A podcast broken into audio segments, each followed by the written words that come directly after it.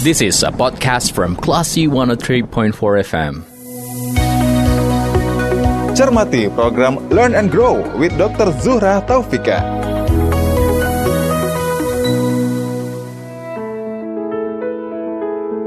Dari Bumi Karang Putih Darung Padang 103.4 Kelas FM This is the actual radio Assalamualaikum Hai Classy People Apa kabar? Semoga Anda dalam kondisi yang baik Kondisi yang sehat Dan tetap menjaga imunitas ya Agar tetap survive di masa pandemi ini Senang sekali saya Ditendira bisa menyapa dan menemani Anda. Dan kalau udah hari Selasa gini, saatnya Anda mencermati Learn and Grow. Seperti biasa, kita akan bahas nih dan sharing juga mengenai informasi nutrisi ideal yang bisa kita terapkan untuk diri kita dan orang di sekitar kita. Dan pastinya saya nggak sendirian dong ya, akan ada narasumber kita nih yang dengan setia mau berbagi ilmu dengan Anda kelas people terkait dengan informasi nutrisi ini. Ada Dr. Zurah Taufika. Kita sapa dulu. Assalamualaikum Dr. Fika. Waalaikumsalam. Nah, gimana kabarnya nih dok? Alhamdulillah sehat. Alhamdulillah. Semoga kelas people juga sehat ya. Iya bener banget dan emang kesehatan tuh paling penting banget ya dok ya di masa sekarang ini ya. Ya, betul sekali. Iya, benar. Dan dok, kalau kita udah di hari Selasa, pembahasan kita emang gak jauh-jauh ya dok ya dengan pembahasan nutrisi, apalagi buat para orang tua nih dok, kalau udah dengar kata-kata nutrisi gitu ya, pasti kepikiran itu informasi mengenai nutrisi untuk bahatinya. Iya nggak sih dok? Iya, betul sekali. Iya, dan mungkin sebagian orang tua yang gencar cari referensi mengenai kebutuhan nutrisi anak mungkin udah nggak asing nih dengan istilah ADB atau anemia defisiensi zat besi gitu ya. Tapi mungkin masih ada nih yang baru dengar atau udah lama dengar tapi belum terlalu paham gitu ya dok ya. Nah biar kita sama-sama paham, kayaknya kita langsung obrolin aja ya sama dokter Vika ya dok ya. Oke. Okay. Oke. Okay. Nah dok, uh, mungkin uh, untuk gambaran awal gitu ya Kondisi hmm. ADB ini sebenarnya secara umum itu seperti apa sih dok? Ya, jadi um, mungkin memang cukup banyak ya netizen sekarang yang udah melek lah sama ADB ini, meskipun -hmm. mungkin um, mengetahuinya belum secara keseluruhan dan mungkin masih banyak juga kita temui kasus-kasus uh, eh, ADB ini uh, dalam kehidupan sehari-hari. Nah, di awal mungkin kita um, paparkan dulu ya um, apa sih sebetulnya ADB. Nah, jadi ADB itu sebuah singkatan dari sebuah uh, penyakit ya atau diagnosis yang disebut sebagai anemia defisiensi besi. Jadi uh, penyakit anemia atau ya kita sebut juga dengan bahasa awamnya kekurangan darah ya, tapi bukan tekanan darah rendah, tapi melainkan kekurangan uh, jumlah sel darah merah yang disebabkan oleh kekurangan zat besi. Jadi ceritanya itu kita uh, manusia ya punya sel darah merah Nah, sel darah merah atau eritrosit itu salah satu komponen pembentuknya adalah zat besi. Di mana nanti zat besi ini merupakan suatu mineral, mineral atau mikronutrien yang penting sekali oleh uh, tubuh Kenapa? Karena itu tadi, karena si zat besi ini berperan penting dalam membentuk hemoglobin, suatu zat yang membentuk eritrosit atau sel darah merah. Jadi dia gunanya nih untuk bawa oksigen nih ke seluruh tubuh. Jadi artinya kalau misalnya kita bernafas kemudian ternyata uh, zat besinya itu kurang, otomatis si hemoglobin yang terbentuk di dalam tubuh juga kurang. Nah, kalau kurang siapa dong yang bakal bawa oksigen ke setiap sel? Nah, jadinya kurang juga. Nah, nanti itulah efek-efek yang akan muncul akibat si kekurangan dari uh, zat besi atau yang biasa kita sebut sebagai ADB gitu. Oke, nah ADB ini sebenarnya kan bisa um, terjadi di siapa aja gitu ya dok ya. Ada orang dewasa juga, ada anak-anak. Nah kalau untuk anak-anak ada nggak sih dok um, hal spesifik yang membedakan kondisi ADB ini dengan kondisi ADB pada orang dewasa? Ya, jadi um, perbedaan yang cukup signifikan adalah uh, kalau pada anak-anak karena masih dalam fase pertumbuhan, otomatis kekurangan zat besi ini impact atau dampaknya jauh lebih besar dan jauh akan lebih um, apa ya meningkatkan efek jangka panjang gitu. Jadi misalnya nih ADB atau kekurangan zat besi. Nah jadi si anak nih kekurangan um, sel darah merahnya. Nah kekurangan sel darah merah kemudian dia akan um, mengakibatkan penurunan juga nanti uh, pada nafsu makan. Nah kemudian karena si oksigen ini dibutuhkan untuk seluruh tubuh untuk beraktivitas anak, baik itu misalnya ini bayi merangkak, bayi duduk, bayi berjalan, atau nanti anak-anak berlari, atau anak usia sekolah misalnya sekolah belajar. Nah, oksigen itu dibutuhkan nih pasokan ke otak. Kalau misalnya oksigennya kurang karena zat besinya kurang, otomatis nanti si anak akan menjadi lemah, letih, lesu, dan terhambat gangguan pertumbuhan perkembangan gitu. Kenapa bisa gangguan tumbuh kembang? Karena kalau misalnya anak tadi lesu, otomatis kan motoriknya kurang terasah. Kalau misalnya anak sekolah, kemudian dia daya tangkapnya berkurang. Kenapa? Karena oksigennya itu kurang dipasok ke otak. Sementara otak butuh oksigen. Kenapa kita butuh oksigen? Kenapa anak butuh oksigen? Karena si oksigen itu berperan penting untuk proses metabolisme seluruh aktivitas tubuh gitu. Jadi uh, sangat penting sekali, sangat krusial sekali. Nah, mengingat anak di masa tumbuh kembang apalagi nih nanti uh, usia 0 sampai 2 tahun ya itu kan anak-anak di masa puncak emasnya gitu. Nah, ini akan berakibat uh, fatal atau buruk sekali nih untuk masa depan anak. Daya, daya apa daya tumbuh dan daya kembangnya nanti terbatas atau sangat minimal. Akibatnya apa? Tumbuh kembang menjadi terganggu atau tidak optimal. Baik. Nah, um, kalau kita dengar ini kan ada kaitannya sama zat besi. Biasa kalau orang dengar kekurangan zat besi ini kaitannya sama uh, pertumbuhan tulang aja ya, Dok ya. Tapi ternyata hmm. ada banyak nih kalau kita uraikan ADB ini akan banyak sekali dampaknya terhadap pertumbuhan dan perkembangan anak juga gitu ya. Iya, jadi tidak hanya sekedar pertumbuhan tubuh, fisik, tetapi juga perkembangan uh, ke kemampuan anak, aspek motorik, kemudian um, bicara, bahasa, kemudian juga hal-hal lainnya ya termasuk kecerdasan anak di sana semua. Karena itu tadi karena fungsi yang sangat krusial dari oksigen dalam proses metabolisme tubuh. Nah, metabolisme ini sangat besar sekali uh, perannya dalam uh, tumbuh kembang. Oke okay, baik. Nah melihat dari banyaknya um, dampak yang nantinya ditimbulkan gitu ya dokter. Ya. Sebenarnya apa sih yang menyebabkan anak-anak ini bisa mengalami ADB gitu dok? Ya, jadi uh, kalau kita urutkan menurut perjalanan waktu, hmm. misalnya nih ya, bayi kenapa sih bayi uh, itu bisa mengalami anemia? Jadi ternyata si bayi ini seharusnya memiliki cadangan besi yang cukup di dalam tubuhnya. Dari mana dia memperolehnya? Dari uh, masa saat bayi di dalam janin dalam kandungan. Jadi ibu hamil lah yang berperan penting dalam mencukupi kebutuhan bayi uh, atau janin selama dia di dalam kandungan gitu. Jadi misalnya nih seorang ibu hamil keadaan anemia pada ibu pada saat hamil itu bisa memicu timbulnya anemia pada uh, bayi pada saat lahir nanti. Hmm. Kenapa? Karena tidak mencukupi jadinya uh, cadangan besi ibu untuk si uh, janin dalam kandungan yang nanti akan dibutuhkan pada saat lahir nih gitu. Jadi kan bayi itu baru lahir, dia mengandalkan cadangan besi dari ibunya. Nanti usia 6 bulan ke atas di mana uh, bayi sudah mulai makan ya MPASI, barulah nanti si uh, bayi ini memperoleh asupan tambahan dari lingkungan yaitu dari asupan makanannya sehari-hari.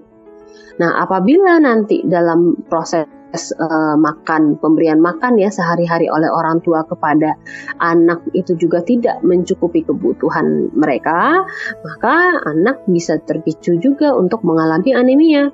Begitu juga nanti untuk seterusnya, anak yang saat ini anemia, jika pola makan tidak diperbaiki uh, menjadi kepada uh, tercukupinya zat besi, maka nanti dia akan tumbuh menjadi remaja yang anemia.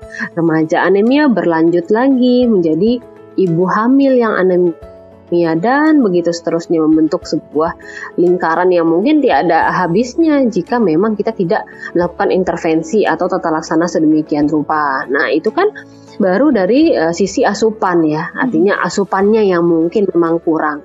Nah, kemudian banyak lagi sih faktor kenapa sih terjadi anemia pada anemia zat besi ya, defisiensi besi. Tapi itu um, faktor yang um, ibaratnya banyak terjadi dan lebih mungkin untuk kita lakukan pencegahan.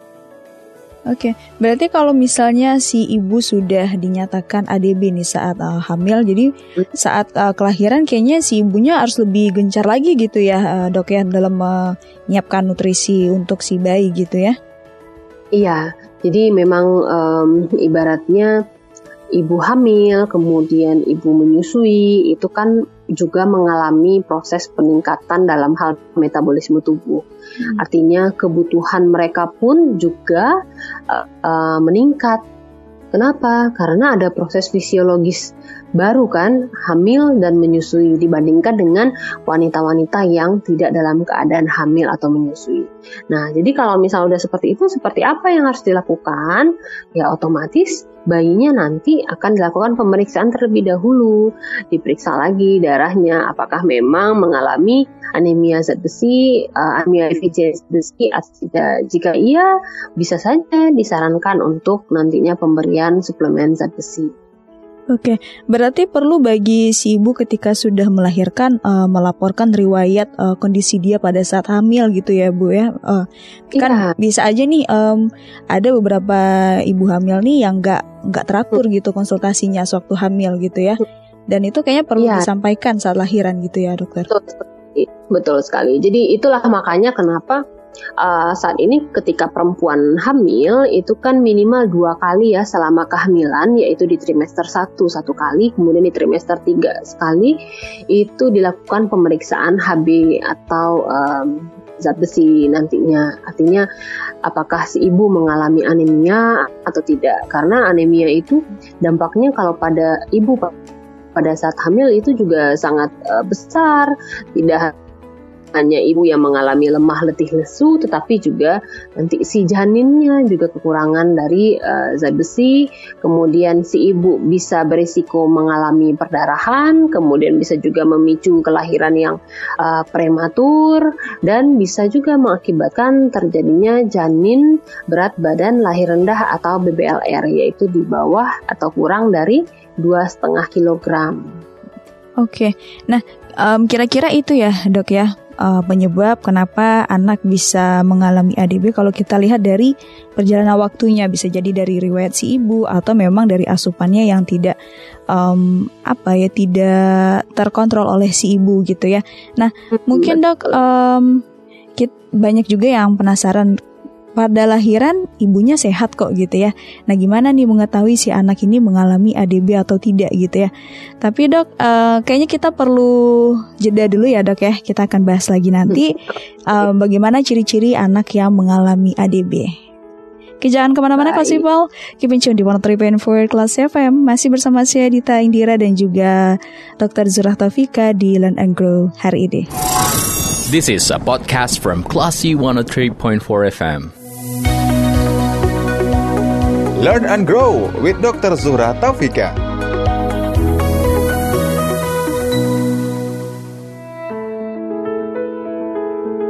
empat kelas FM di Zis di Aktual Radio.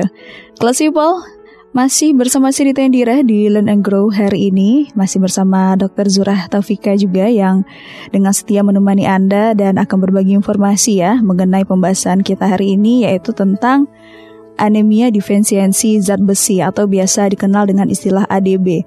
Dan khusus pada hari ini kita akan bahas mengenai um, ADB pada anak gitu ya.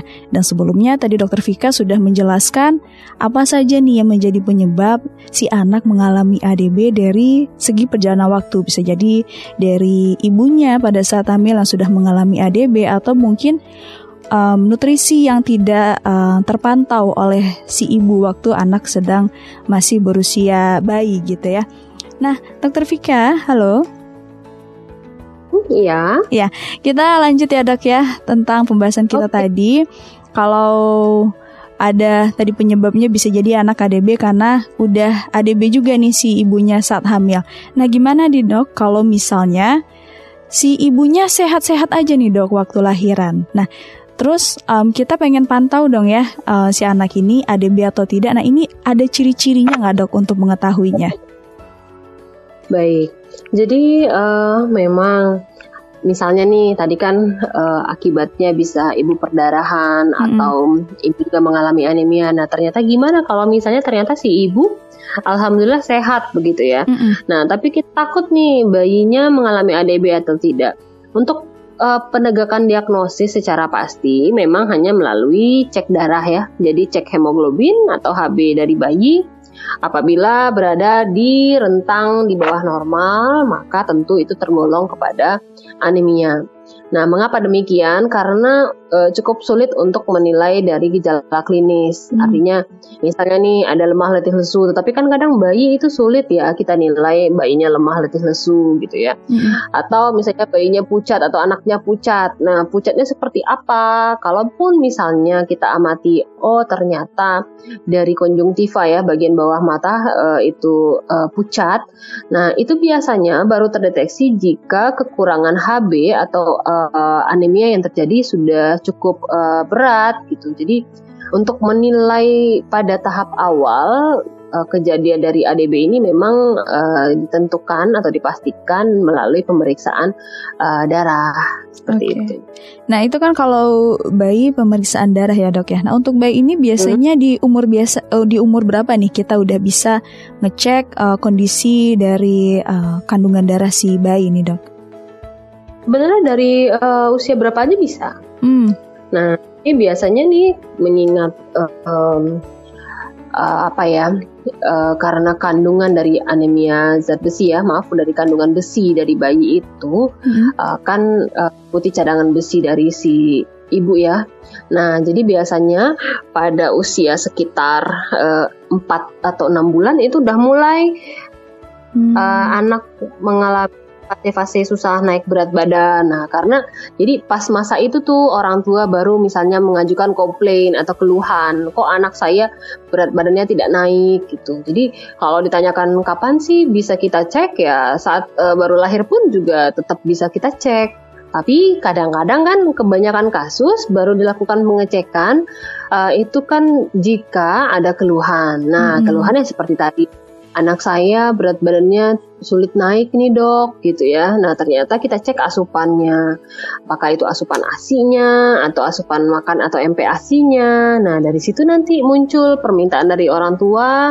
E, gimana kalau misalnya kita lakukan cek apakah ada ini? Nah ternyata dokter pun juga memandang perlu ke arah sana pada saat uh, pasien melakukan sesi konsultasi seperti itu. Oke, berarti kalau dari bayi memang melakukan pengecekan secara medis biar tahu gitu ya dok ya. Nah, ya artinya untuk menilai uh, seseorang itu mengalami hal apa anemia atau tidak memang lewat cek darah gitu. Oke, kalau gimana kalau misalnya anak-anak yang sudah um, umur batita atau balita yang ibaratnya sudah bisa kita lihat uh, pergerakannya, gerak-geriknya, tingkah lakunya gitu dok. Apakah ada ciri-ciri yang sederhana yang bisa kita pahami dulu dok? Ya, uh, untuk ciri-ciri tetap seperti tadi, misalnya lemah, letih, lesu ya, hmm. mungkin yang sehari-hari dia aktif kemudian agak kurang gitu atau yang pucat ya pucat dari uh, konjungtiva mata lebih anemis atau pucat. Nah, tapi sekali lagi pengamatan secara klinis ini tidak spesifik. Hmm. Artinya tidak terus kemudian juga tidak sensitif. Bisa jadi ternyata kita uh, melihat anak biasa-biasa saja tapi ternyata sudah mengalami anemia gitu. Jadi memang sebaiknya sih um, berkonsultasi dengan dokter secara langsung dan dokter nanti akan memberikan pertimbangan apakah perlu kita lakukan pemeriksaan uh, laboratorium darah atau uh, menilai dari asupan uh, zat besi anak dalam sehari-hari gitu. Oke, berarti walaupun udah udah gede pun anaknya tetap perlu ada pemantauan secara medis juga ya dok ya, tidak hanya anak bayi aja Betul. gitu ya betul ya betul mm -hmm. sekali. Nah, kalau balik lagi misalnya emang si anak tidak ada riwayat ADB dari ibu karena ibunya alhamdulillah sehat walafiat gitu ya dok ya. Nah, kan bisa jadi ini karena pola makan atau emang tumbuh kembangnya yang bermasalah gitu ya dok ya. Nah biasanya kalau dari kondisi seperti ini, anak-anak ini punya usia rentan nggak dok untuk mengalami ADB ini? Um, kalau untuk usia, semua anak memiliki uh, kerentanan. Hmm. Jadi dalam masa pertumbuhan terutama ya, misalnya lima tahun ke bawah atau sebelum balita dalam usia balita lah. Hmm. Tapi nanti pada masa uh, anak merangkak menjadi remaja, beranjak remaja itu juga memiliki kerentanan tersendiri mengingat misalnya perempuan sudah menstruasi seperti itu.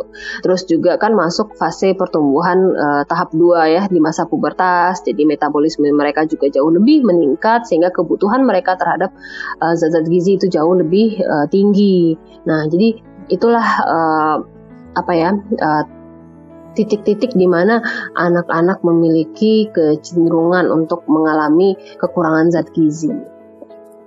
Oke, berarti kalau misalnya tanpa riwayat sang ibu memang dipastikan ini memang dari asupan nutrisi uh, harian anak ini pengaruhnya dok.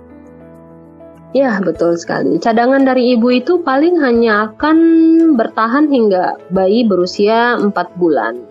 Artinya setelah masa itu ya dia akan cukup bergantung kepada apa yang diperoleh dari lingkungan atau asupan makanan.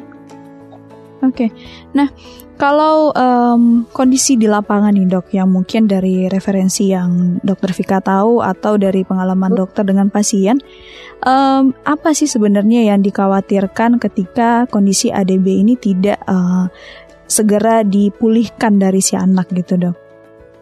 Ya, jadi mengingat peran dari zat besi tadi yang terkait erat dengan pembentukan hemoglobin ya, hmm. uh, yang merupakan komponen dari sel darah merah. Nah, terus kemudian dia juga berperan dalam berbagai macam reaksi metabolisme tubuh. Otomatis kekurangan zat besi menjadi pengganggu atau faktor yang sangat berpengaruh terhadap uh, metabolisme tubuh. Nah, dalam hal ini metabolisme tentu akan berdampak kepada tumbuh kembang anak. Artinya, kekurangan zat besi akan berdampak buruk terhadap tumbuh kembang anak di masa depan. Apa contohnya? Misalnya, menjadi anak menjadi uh, lebih tidak nafsu makan. Nah, nanti berat badannya otomatis naik secara irit atau tidak naik sama sekali. Kemudian uh, gampang jadi sakit-sakitan. Kemudian juga ber dampak kepada pertumbuhan dan perkembangan sel saraf yang pada akhirnya berpengaruh pada kecerdasan anak. Jadi semuanya kena gitu, kena imbasnya. Karena apa? Karena itu fungsi penting dari sel darah merah tadi yang mengangkut oksigen, mengedarkan uh, seluruh makanan ke seluruh tubuh. Jadi kalau itu pen, uh, yang hal penting itu menjadi uh, bermasalah, otomatis akibat-akibat yang ditimbulkannya adalah hal-hal yang melekat kepada peran dari uh, sel darah merah atau uh, hemoglobin juga uh, sebagai suatu struktur yang dibentuk oleh si zat besi tadi. Oke, baik dokter. Nah, kalau kayak kecerdasan ini kan jangkanya panjang ya, Dok ya. Ada nggak sih iya, uh, misalnya betul. dampak uh, jangka pendek yang terlihat gitu um, dari kondisi fisik si anak ketika uh, anak mengalami ADB ini, Dok?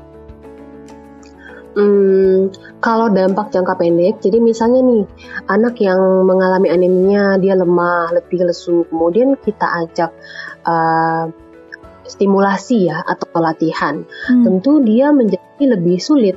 Bayangkan untuk bergerak itu kan butuh um, oksigen, hmm. untuk oksigen butuh misalnya tadi ya yang diikat oleh si hemoglobin. Nah sekarang si anak nih, anak bayi nih misalnya kita latih untuk kita latih nanti untuk uh, berdiri, berjalan dan lain-lain gitu kan.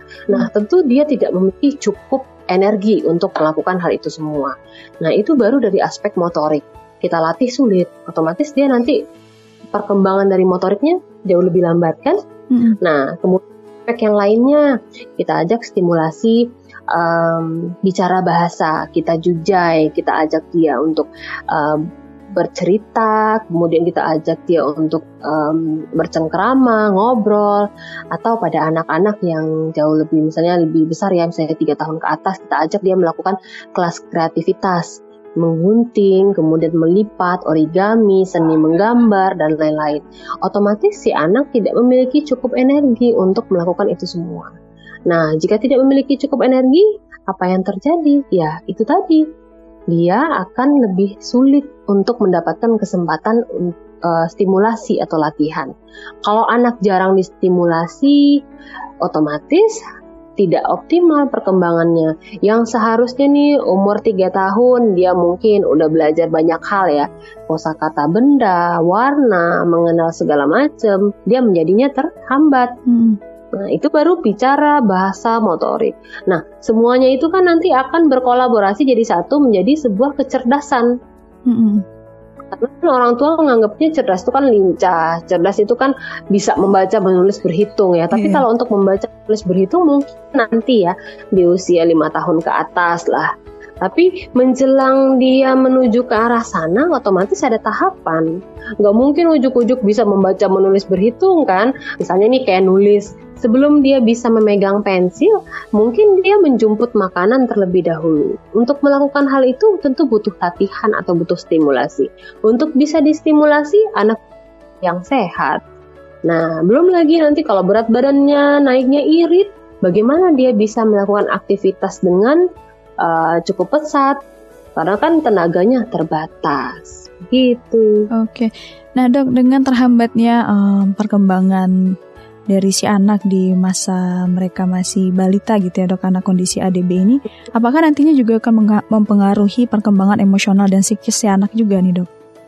Iya, betul sekali. Jadi, perkembangan itu kan selain dari motorik, dia juga ada perkembangan bicara bahasa, ada sosial emosional. Jadi gangguan perilaku. Nah, kenapa bisa gangguan perilaku? Nah, perilaku itu kan behavior ya, atau uh, sikap itu juga salah satu domain atau aspek perkembangan dari anak di mana aspek perkembangan itu dipengaruhi oleh baik atau tidaknya kerja dari sel saraf. Sel saraf bekerja karena itu merupakan sel ya, sel dan jaringan.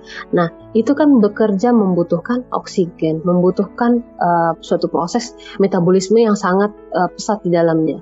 Nah, sekali lagi karena proses tersebut membutuhkan si uh, sel darah merah, kemudian membutuhkan makanan, membutuhkan oksigen, membutuhkan asupan deh pokoknya ya. Nah, itu juga menjadi gangguan. Gangguan dalam apa? Gangguan dalam berpikir, gangguan dalam bertindak. Nah, termasuk di dalam itu adalah respon emosi, respon sosial. Jadi anak bagaimana anak nanti dalam bersikap terhadap lingkungan. Misalnya nih dia di apa diajak uh, bermain, kemudian bermain itu nanti diharapkan dia memicu ketawa. Nah, seharusnya kan anak bisa ketawa, tapi hmm. bisa juga anak menjadi lesu aja. Ya Atau ya gimana dia mau gitu ya, Uh, uh, jadi lemes kan ya orang nggak bernaga terus diminta ketawa diminta happy kan agak sulit ya kita hmm. aja deh misalnya nih bulan puasa dibandingin nggak puasa. Itu mungkin ketika awal-awal puasa itu agak agak goncang sedikit ya artinya. Agak agak lebih lesu seperti itu. Nah seperti itu juga anak. Kenapa demikian? Karena anak juga manusia sama seperti kita gitu. Oke berarti bisa jadi juga ya dok ya kalau misalnya anak-anak um, apa ya karakternya kemudian itu faktor nutrisi mereka juga tidak terpenuhi gitu ya dok ya Ya bisa jadi. Namun tentunya kalau untuk perilaku tidak hmm. mutlak hanya uh, nutrisi. Jadi yeah. kalau kita bicara perkembangan nanti nutrisi itu berpengaruh, tetapi faktor stimulasi atau respon lingkungan juga cukup besar pengaruhnya. Oke, nah kalau kita lihat dari um, penjelasan dokter nih, mulai dari ciri-ciri, terus juga bagaimana cara mengetahuinya dan pastinya dampak gitu ya dok ya, baik jangka pendek ataupun jangka panjang. Um, berarti kondisi ADB ini sangat mempengaruhi semua perkembangan um, dari si anak baik metabolisme, kecerdasan, pertumbuhan dan perkembangan gitu ya dok ya dan sepertinya ini semacam um, apa ya efeknya uh, tidak nyata langsung kelihatan tapi um, perlu disikapi karena bisa dibilang sebenarnya ini hal yang mengkhawatirkan juga kalau dibiarkan gitu ya dok ya. Ya, betul sekali. Oke. Jadi mengingat penting sekali ya maksudnya Hmm. dampaknya itu tidak saat ini tapi untuk nanti bahkan bisa berantai menciptakan suatu lingkaran yang nanti akan berlanjut pada generasi selanjutnya itu bisa terjadi. Oke dokter. Nah, mengingat dengan dampaknya ini, sepertinya kita perlu ya membahas bagaimana langkah preventif yang bisa dilakukan oleh orang tua um, agar anak tidak mengalami ADB. Namun um, kita akan bahas nanti ya dok ya, setelah jeda yang Oke. berikut ini. Jadi kelas Sipal, jangan ke mana-mana, keep in tune di 103.4 Kelas FM di Actual Radio. This is a podcast from Classy 103.4 FM. Learn and grow with Dr. Zuhra Taufika.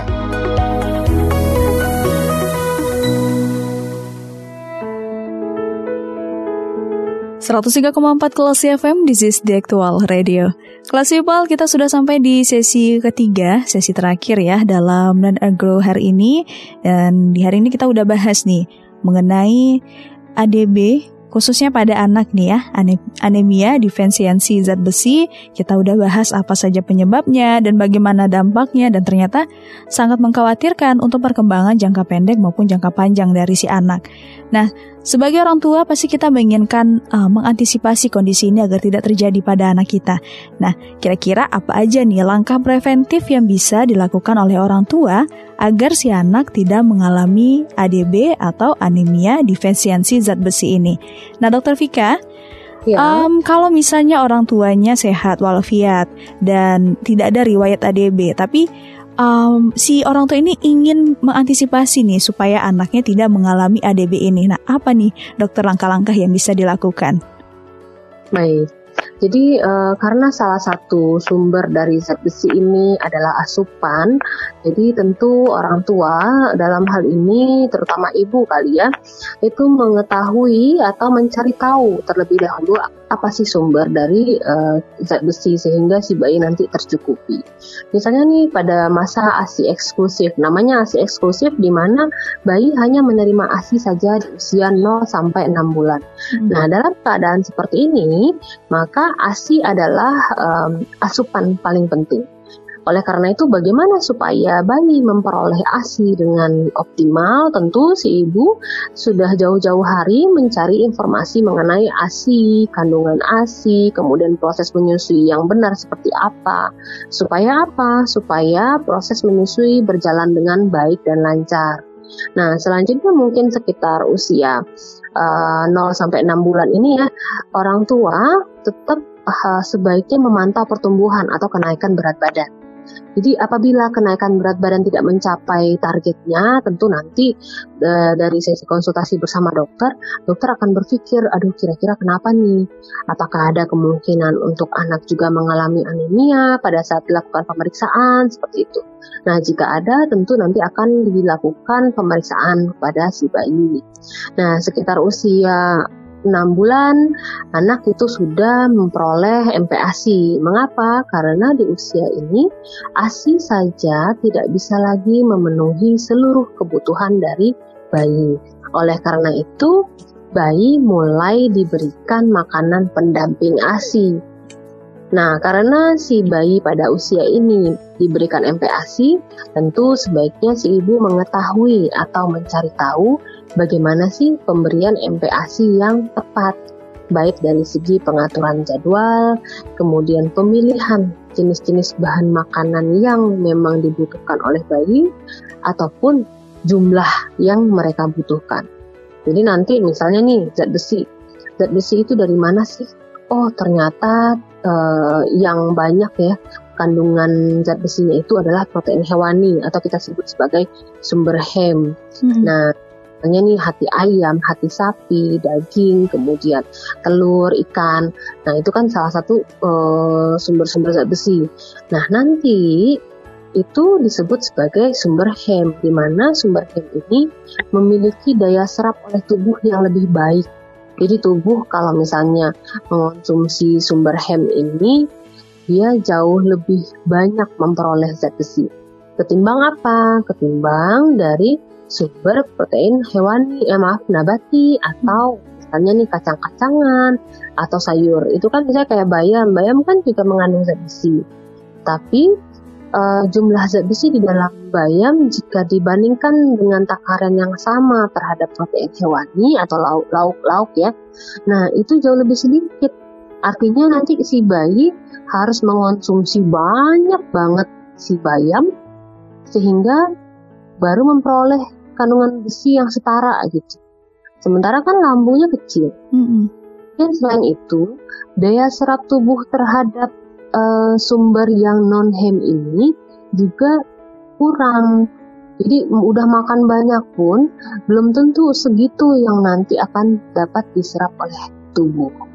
Artinya orang tua sebaiknya mencari tahu sumber zat besi itu apa aja dan kemudian memberikan makanan tersebut kepada uh, bayi atau anak dalam jumlah yang cukup atau sesuai dengan kebutuhan mereka. Oke, nah um, itu kan kalau misalnya si masih bayi ya dok ya, masih empasi.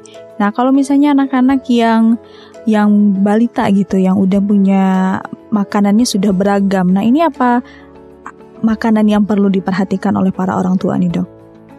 Baik, jadi uh, kalau untuk kontak makan sebetulnya sama. Hmm uh, prinsipnya adalah memberikan makanan bergizi seimbang kepada anak ataupun kepada dewasa juga demikian. Nah, tapi berbedanya apa? Berbedanya adalah di bagian porsi. Jadi kalau misalnya nih anak umur uh, sekitar 2 tahun, hmm. mungkin membutuhkan uh, kurang lebih 3 sampai 4 potong lauk sebagai uh, sumber protein uh, sehari-harinya seperti itu. Sementara kalau bayi 6 bulan bisa jadi sekitar satu setengah potong dari uh, porsi uh, dewasa ya itu cukup untuk uh, awal dari memulai uh, makan atau MPASI pada anak. Oke, okay. nah berarti yang perlu diperhatikan itu adalah um, jumlah dan juga kualitas si lauk pauknya itu ya dok ya. Karena mungkin sebagian dari para orang tua yang penting anak makan deh. Terus atau ada juga nih um, makannya banyak aja kok. Buktinya um, nasi sepiring habis tuh sama si anak. Nah sepertinya tidak hanya kuantitas dari makanannya aja ya dok ya. Tapi porsi berimbang juga perlu diperhatikan gitu ya Ya, betul sekali. Jadi tidak hanya keragamannya saja, tapi juga jumlah atau porsi. Nah, jumlah atau porsi ini terkait juga dengan komposisi. Hmm. Artinya nanti karena kita khawatir anak ADB terus proteinnya dua potong, eh karbohidratnya sedikit sekali gitu ya. Terus tidak pakai sayur uh, dan buah, padahal sayur dan buah uh, yang mengandung vitamin C itu justru membantu meningkatkan penyerapan zat besi artinya tetap dibutuhkan. Jadi memang kembali lagi kepada proporsi yang seimbang sehingga orang tua bisa menyajikan makanan yang memang sesuai dengan kebutuhan si anak. Berapapun usia mereka, tentu itu semua disesuaikan dengan uh, kebutuhan mereka pada usia tersebut. Termasuk salah satunya uh, hal yang mempengaruhi adalah kondisi fisiologis. Jadi misalnya nih pada balita kenapa sih begitu istimewa diperhatikan hal ini? Ya karena mereka masa-masa pertumbuhan ada di masa itu. Kemudian pada masa remaja kenapa sih penting? Karena mereka masuk masa pubertas, di mana pubertas itu kan masa uh, metabolisme yang tinggi, pertumbuhan yang pesat, sehingga dibutuhkan asupan yang sangat baik. Oke, baik dokter. Nah, um, melihat porsi dan juga komposisi makanan sangat mempengaruhi um, apa ya asupan nutrisi bagi si anak gitu ya dok ya. Apakah ada kemungkinan kalau misalnya anaknya sebenarnya terlihat um, berisi gitu atau semok gitu, tapi mungkinkah anak-anak yang kondisi dengan bisa jadi berat badan berlebih dari um, teman-teman seusianya mengalami ADB dok? Iya bisa jadi. Jadi uh, badan montok, badan berisi itu kan lebih kepada kalori ya. Hmm uh, kebutuhan dari kecukupan um, makronutrien ya, misalnya karbohidrat, protein, lemak. Nah, tapi biasanya jika proporsinya seimbang, kemudian kebutuhan dari lauknya itu cukup baik pemenuhannya, maka biasanya anak tidak mengalami defisiensi zat besi. Hmm. Tapi bisa jadi anaknya gemuk, gendut ya. Tetapi ternyata gemuk dan gendutnya itu berasal dari asupan kalori tinggi yang misalnya manis atau lemak tinggi. Nah, tentu itu tidak e, mencakup kepada proporsi seimbang bagi si e, asupan protein. Jadi mungkin saja si lauknya kurang, sumber hewaninya kurang, sehingga apa? Um, pemenuhan terhadap zat besinya tidak cukup. Pada akhirnya apa? Bukan tidak mungkin anak dengan status gizi yang baik secara proporsi tubuh, hmm. secara badan, tapi kekurangan mikronutrien yaitu anemia. Baik, berarti nggak cuma um, berat badan si anak aja yang perlu diwaspadai sama orang tua ya dok ya? Ya betul sekali. Jadi um, kalau kita lihat sekarang mm, masalah gizi itu tidak lagi sekedar masalah kelebihan dan kekurangan dari makronutrien yang ditandai dengan berat badan kurang atau berat badan berlebih ya, hmm. tetapi juga kekurangan atau defisiensi mikronutrien, yaitu uh, salah satunya adalah besi.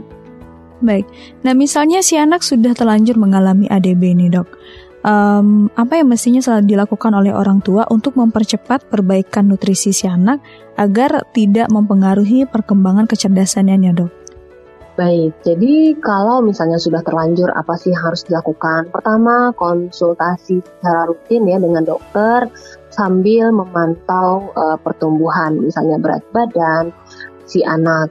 Nah, kemudian juga berkonsultasi mengenai kebutuhan dari zat gizinya. Dan jika diperlukan, bisa saja nanti disertai dengan pemeriksaan lain. Apakah mungkin si anak juga ada mengalami uh, cacingan atau mengalami penyakit infeksi lain. Artinya nanti secara holistik atau secara menyeluruh si anak akan dilakukan tata laksana atau terapi. Baik itu terapi dari segi uh, pemenuhan zat gizi ataupun terapi dari segi penyakit termasuk di dalamnya nanti pemberian dari uh, suplementasi zat gizi. Oke, berarti dengan kita mengetahui si anak ini mengalami ADB, tidak hanya nutrisi bisa saja uh, bisa saja kondisi ini mengindikasi si anak memiliki penyakit tertentu gitu ya dok ya? Bisa jadi. Hmm, baik. Nah, um, ada usia krusial nggak sih dok? Um, apa ya ibaratnya? Misalnya anak sampai umur sekian, kalau ADB-nya itu tidak diatasi, nanti kecerdasan otaknya menurun, atau ya. um, akan berlanjut sampai mereka dewasa pun um, itu bisa diperbaiki. Atau gimana dok? Ada batas-batas usia krusial nggak sih sebenarnya untuk per perkembangan kecerdasan, uh, kecerdasan anak ini? Uh, untuk poin dari masa emas uh, tumbuh kembang anak itu nanti kira kira-kira ya sampai usia ribu hari pertama ya, hmm. usia tahun. Nah, jika misalnya masalah gizi terlalu banyak pada masa ini, tentu akan berdampak terhadap jangka panjang. Oke. Okay. Oh itu tadi sebabnya kenapa dokter bilang kenapa sih pas usia bayi ini lebih diperhatikan lebih spesial dibanding uh, usia-usia lainnya gitu ya dok? Iya betul. Uh, tapi ya itu tadi ternyata di masa remaja juga penting kita perhatikan hmm. karena itu kertas dan bagi perempuan nanti dia kan akan menjadi seorang calon ibu karena kita mengingat seribu hari itu dimulai dari proses uh, janin ya terbentuk hmm. dalam otomatis kalau si calon ibu nanti bermasalah itu udah menjadi satu tiket juga untuk menciptakan masalah di kemudian hari. Oke dan sepertinya masa remaja pun juga ini sering um, apa ya? sering kecolongan ya dok ya karena berpikir di saat remaja mereka sudah bisa berpikir sudah bisa punya ke um, punya pilihan mau makan apa jadi pemantauannya pun juga jadi sering uh, kecolongan para orang tua gitu ya dok ya Iya betul longgar ya uh -uh. karena uh, mereka kan itu usia yang rentan terhadap pergaulan. Jadi yeah. ya zaman now apa sih yang nggak tahu gitu ya. Sehingga campur makanan sampah, kemudian makanan yang rendah uh, zat besi atau yang mengikat zat besi nih menghambat penyerapan seperti kayak boba-boba, hmm. kemudian teh, kopi. Itu kan uh, makanan apa minuman, makanan dan minuman kekinian yang justru itu menjadi viral di kalangan remaja. Padahal kan remaja terutama yang perempuan mengalami haid atau menstruasi. Kemudian mereka juga memiliki goncangan dari segi pembentukan uh, body ya atau tubuh bentuk tubuh yang bagus yang ideal sehingga dietnya mungkin tidak tidak baik atau asupannya dikurang-kurangin tapi justru yang dikurangi itu padahal penting sekali untuk tubuh mereka. Nah, ini semua yang menjadi uh, sebab juga kenapa pada remaja nanti penting juga menjadi perhatian um, dari segi masalah anemia ini. Oke, berarti pada saat uh, remaja ini mungkin akan kesulitan ya dok ya untuk membatasi apa yang ingin dimakan oleh uh, anak gitu ya. Tapi mungkin um, siasatnya bisa semacam asupan yang berimbang yang disediakan orang tua saat di rumah gitu ya dok? Nah iya, tapi itu kembali lagi, sebetulnya kalau kita lihat saat ini banyak media untuk belajar dan bahkan ya anak TK sudah diajarkan konsep makanan bergizi seimbang. Hmm. Kita berharap pola makan yang sudah dibentuk sejak kecil itu nanti yang akan membuat mereka tuh lebih kokoh dalam bertahan ya, bertahan menghadapi godaan-godaan di luar sana. Karena kalau kita uh, harapkan uh, si remaja itu sarapan pagi di rumah, kadang-kadang pergi pagi udah buru-buru atau yeah. udah banyak plus dari penglihatan orang tua, sehingga uh, kontrol diri atau kendali diri menjadi hal yang sangat penting bagi mereka di usia tersebut untuk memilih mana makanan atau asupan yang baik bagi mereka dan mana yang tidak. Oke, dan sepertinya kalau kita lihat lagi akan lebih banyak PR-nya untuk memantau uh, kondisi gizi pada remaja ini dibanding bayi sebenarnya ya dok ya? Ya sebenarnya semua itu punya titik titik-titik apa ya titik-titik telah uh, ini deh um, peluang masalah gitu. Mm -hmm. Jadi seperti halnya kita beranggapan aduh uh, ribet ya ternyata ya menghadapi masa emas uh, tumbuh kembang anak 0 hmm. sampai 2 tahun si ibu harus berjibaku nih dengan ASI dengan MPASI ternyata nanti udah lewat masa itu beda lagi masalahnya gitu jadi ibaratnya di masing-masing fase itu punya tantangan tersendiri nah khusus untuk terkait dengan anemia ini ketika kita memulai uh, pola makan yang sehat di rumah kita berharap pola itu akan kebawa nanti di luar. Ketika pola itu dibiasakan sejak dini, sejak bayi, sejak kecil, kita berharap pola itu akan berkelanjutan sampai di masa yang akan datang saat anak menjadi remaja, saat remaja menjadi dewasa. Oke, baik dokter. Nah, um, terakhir nih dok, um, kita semacam closing statement gitu ya. Kenapa sih um, selaku orang tua ini penting banget untuk uh, memperhatikan asupan nutrisi terkait dengan pembahasan kita hari ini um, bahayanya anemia defisiensi zat besi ini terhadap anak. Baik, jadi uh, bagi para orang tua ya, ayah, bunda, kakek, nenek, dan tante om ya semua yang uh, memperhatikan dan begitu pentingnya generasi di masa akan datang, maka kita sudah seyogyanya untuk um, mengetahui bahwa anemia defisiensi besi atau anemia yang disebabkan oleh kekurangan mikronutrien yaitu zat besi ini akan berdampak terhadap pertumbuhan fisik, kemudian pertumbuhan uh, dan perkembangan mental, emosional, kecerdasan, sehingga ini akan mengakibatkan hal buruk di masa depan generasi nanti. Oleh karena itu, kita bersama saling membantu sharing informasi dan mengingatkan agar peduli terhadap pentingnya zat besi pada anak, kemudian rajin melakukan pemantauan pertumbuhan dan melakukan evaluasi atau penilaian sendiri apakah pola makan yang diberikan kepada anak atau keluarga di rumah sudah uh, memenuhi uh, prinsip gizi seimbang atau belum. Dengan demikian kita berharap kejadian anemia defisiensi besi pada generasi selanjutnya bisa dicegah. Oke, baik. Terima kasih dokter. Um, mungkin ini juga jadi reminder ya buat orang tua yang apa ya sering um, absen-absen gitu ngecek makanan anaknya atau um, sebatas kayak ya udahlah yang penting makan. Yang penting hmm. sehari ini ada makan gitu ya. Iya betul sekali Iya, baik dokter, semoga ini bermanfaat juga ya bagi pendengar kita dan terima kasih banyak dok sudah sharing di kesempatan kali ini dan selamat kembali melanjutkan aktivitas dokter Vika. Iya, terima kasih. Oke, assalamualaikum. Waalaikumsalam. Baiklah People, itu tadi pembahasan kita bersama dengan Dr. Zurah Taufika mengenai ADB pada anak gitu ya atau um, anemia defisiensi zat besi yang ternyata sangat mengkhawatirkan bagi perkembangan dan pertumbuhan anak baik dari masa usia keemasannya di dari bayi ini ya sampai ke masa remaja pun ternyata ini sangat memberikan pengaruh yang besar terhadap perkembangan anak. Kalau gitu sekian dulu kebersamaan kita di Learn and Grow kali ini. Terima kasih atas atensinya. Sampai ketemu lagi minggu depan. Saya Ditendira pamit. Assalamualaikum. And then, see you. Anda baru saja mencermati program Learn and Grow with Dr. Zura Taufika. This is a podcast from Classy 103.4 FM.